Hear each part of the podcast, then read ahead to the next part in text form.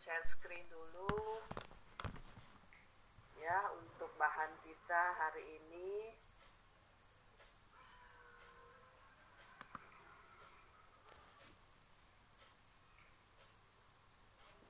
Ya mutu kimia beras. Jadi penjelasannya sedikit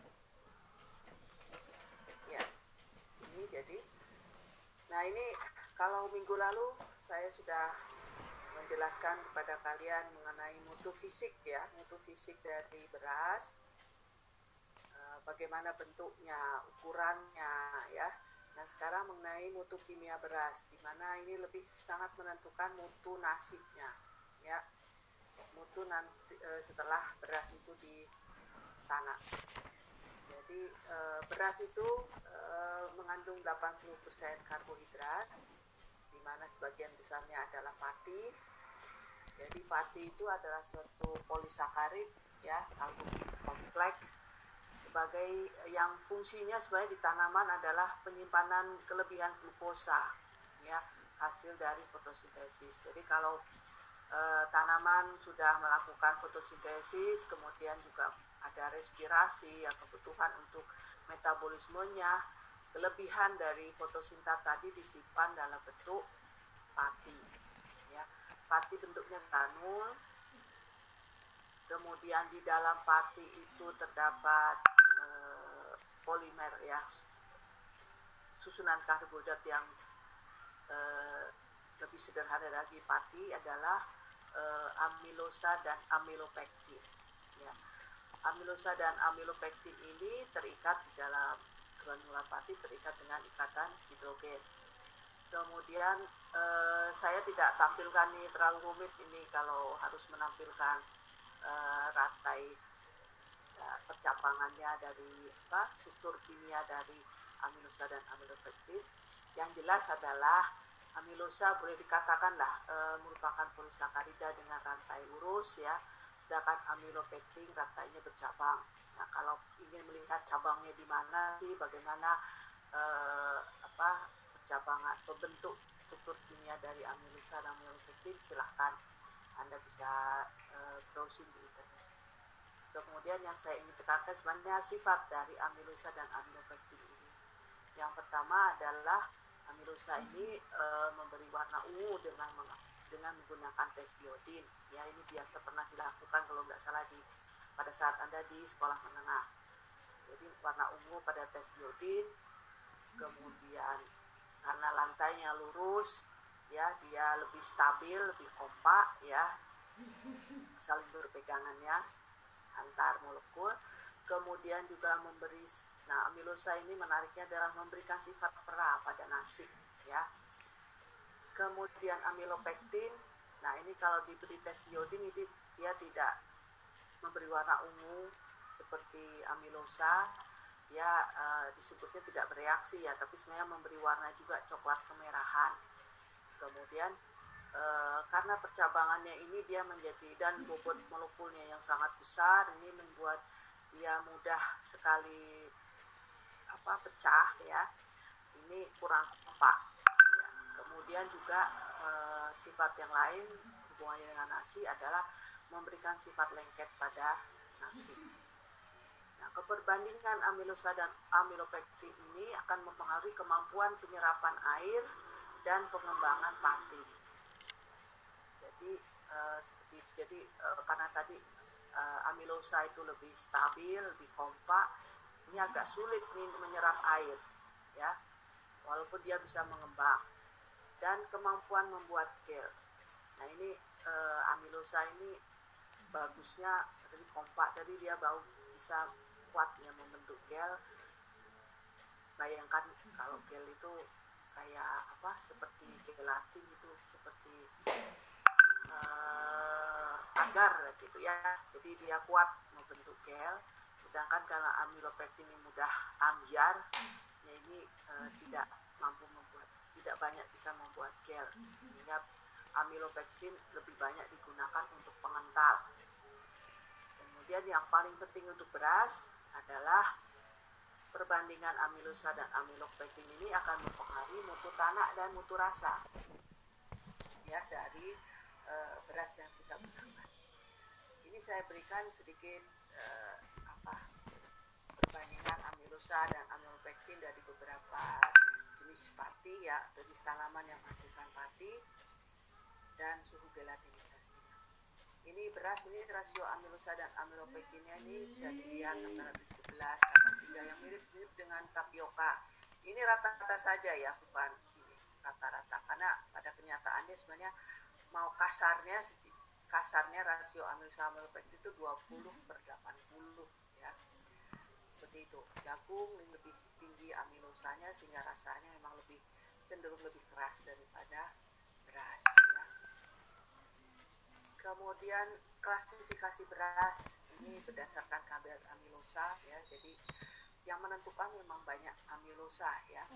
Misalnya e, beras ketan itu persen amilosanya di bawah 10 persen ya. Contohnya ya berbagai jenis ketan. Ya varietas ketan ini ada yang sebut ketan lusi ini bentuknya bun, apa lebih kerau ya ketan lusi. Kemudian ada juga beras amilosa rendah disebut amil, amilosa rendah itu kalau kadarnya antara 10 sampai 20 contohnya ini eh, memberamo ini saya ini di apa dari jurnal textbooknya ya. Kemudian ada lagi yang amilosa sedang ini antara 20 sampai 24 nih contohnya IR64 dan e, IPB3S juga masuk ke golongan sedang sedangkan beras amilosa tinggi ini kalau amilosanya lebih dari 25 persen. Ya kalau lebih dari 25 persen dia masuk golongan amilosa tinggi. Contohnya adalah IN42 nah eh, beras-beras yang punya amilosa tinggi ini contohnya IR42 ini yang sangat kalau di jalur Pantura ini banyak yang menanam. Jalur Pantura Jawa Barat itu banyak menanam yang 42 tapi bukan buat untuk buat bihun ya jadi karena kemampuan membuat gelnya yang baik kemudian ya gunakan untuk membuat bihun ini R42 bihun soun ya. Jadi pasarnya sudah banyak sehingga banyak juga petani yang menanam R42 bahkan sampai sekarang sudah cukup lama nih jauh lebih lama daripada IN64 ya. Jadi banyak petani menanam ini karena pasarnya sudah jelas kemudian beras amilosa rendah ya eh, yang antara 10-20 ini kalau dimasak ini cenderung dia nasinya lengket ya eh, agak kurang mengembang ya tapi lengket dan menggumpal pada saat ini. Kemudian kalau amilosa tinggi nasinya tidak lengket biar gitu ya mengembang secukup ya semam se ininya dan karena kerasnya ini karena amilosa ini apa sangat stabil ya sehingga untuk memasaknya butuh air lebih banyak dan keras kalau dingin. Jadi kalau penduduk Indonesia memang agak tidak terlalu suka ya amilosa tinggi memang ya karena orang Jawa lah biasanya ya. Kalau sudah agak apa keras amilosa tinggi ini keras ya, uh, tidak bakal banyak yang membeli ya. Tapi teman-teman kita yang dari Sumatera uh, kelihatannya condong ke yang sedikit tinggi ini amilosa sedikit tinggi. Oke kemudian yang sedang adalah yang paling uh, apa banyak disukai orang masyarakat Indonesia ya karena nasinya yang bulat kemudian ini saya menggambarkan eh, tadi sebutkan ada suku gelatinisasi ini apa ya? Jadi kalau ada pati kemudian di apa diberi air dipanaskan ya ini maka ikatan hidrogen di dalam pati itu ya lama-lama dengan pertambahan suhu ya itu akan terganggu. Nah ini air masuk ke dalam granul pati kemudian eh, memotong eh, ikatan-ikatan hidrogen di dalam pati di dalam amilosa dan amilopektin ini kemudian membengkak granul patinya itu membengkak. Nah kemudian sampai kemudian eh, kalau suhunya terus dinaikkan nah ini pati eh, pecah ya kemudian amilosa dan amilopektinnya akan keluar nah, ini disebut gelatinisasi proses ini disebut gelatinisasi sedangkan suhu pada saat uh, terjadi gelatinisasi disebut suhu gelatinisasi. Jadi saya cek lagi kembalikan ke sini. Jadi ini suhu gelatinisasi untuk masing-masing sumber pati beras itu uh, antara 60 sampai 78 ya derajat celcius jadi uh, sebenarnya memasak nasi juga tidak harus terlalu panas juga ya airnya nah ini kemudian uh, di video ya saya tunjukkan bagaimana melakukan uh, mengukur uji, uji suhu gelatinisasi. Nah, di praktikum yang yang kita lakukan bersama ini tidak menggunakan panas ya, tapi kita menggunakan larutan KOH 1,7 persen, 1,7 persen ya, untuk melihat kemampuan pengembangan beras dan juga untuk melihat uh, sebenarnya masuk mana sih ya uh, padi uh, beras di BP3S dengan beras satu lagi beras ketan ya. Apa benar ya seperti yang uh, tadi tabel yang kita lihat beras ketan itu uh, amilosanya termasuk rendah ya. Jadi oops, jadi kalau butiran berasnya sedikit retak ya pengembangan ada sedikit mengembang saja atau bahkan tidak ada pengembangan ada retak kulitnya terutama e, permukaan dari berasnya karena kita hanya menyimpan selama 24 jam itu suhu termasuk kadar aminosa rendah kemudian yang sedikit mengembang. Itu sedang kemudian kalau butirannya tetap utuh itu masuk tinggi. Ya ini memang secara kasar ya karena kita tidak pakai cahaya tidak pakai suhu untuk melihat uh, uh, suhu uh, kadar perbandingan rasio uh, amilosid dan amilopektin. Nah di video juga saya tampilkan kan ada apa menanak nasi dengan model membuat liwet ya di atas kompor. Jadi sudah ada datanya di situ ya uh, kapan waktu tanaknya, banyaknya air yang diserap ya bobot nasinya.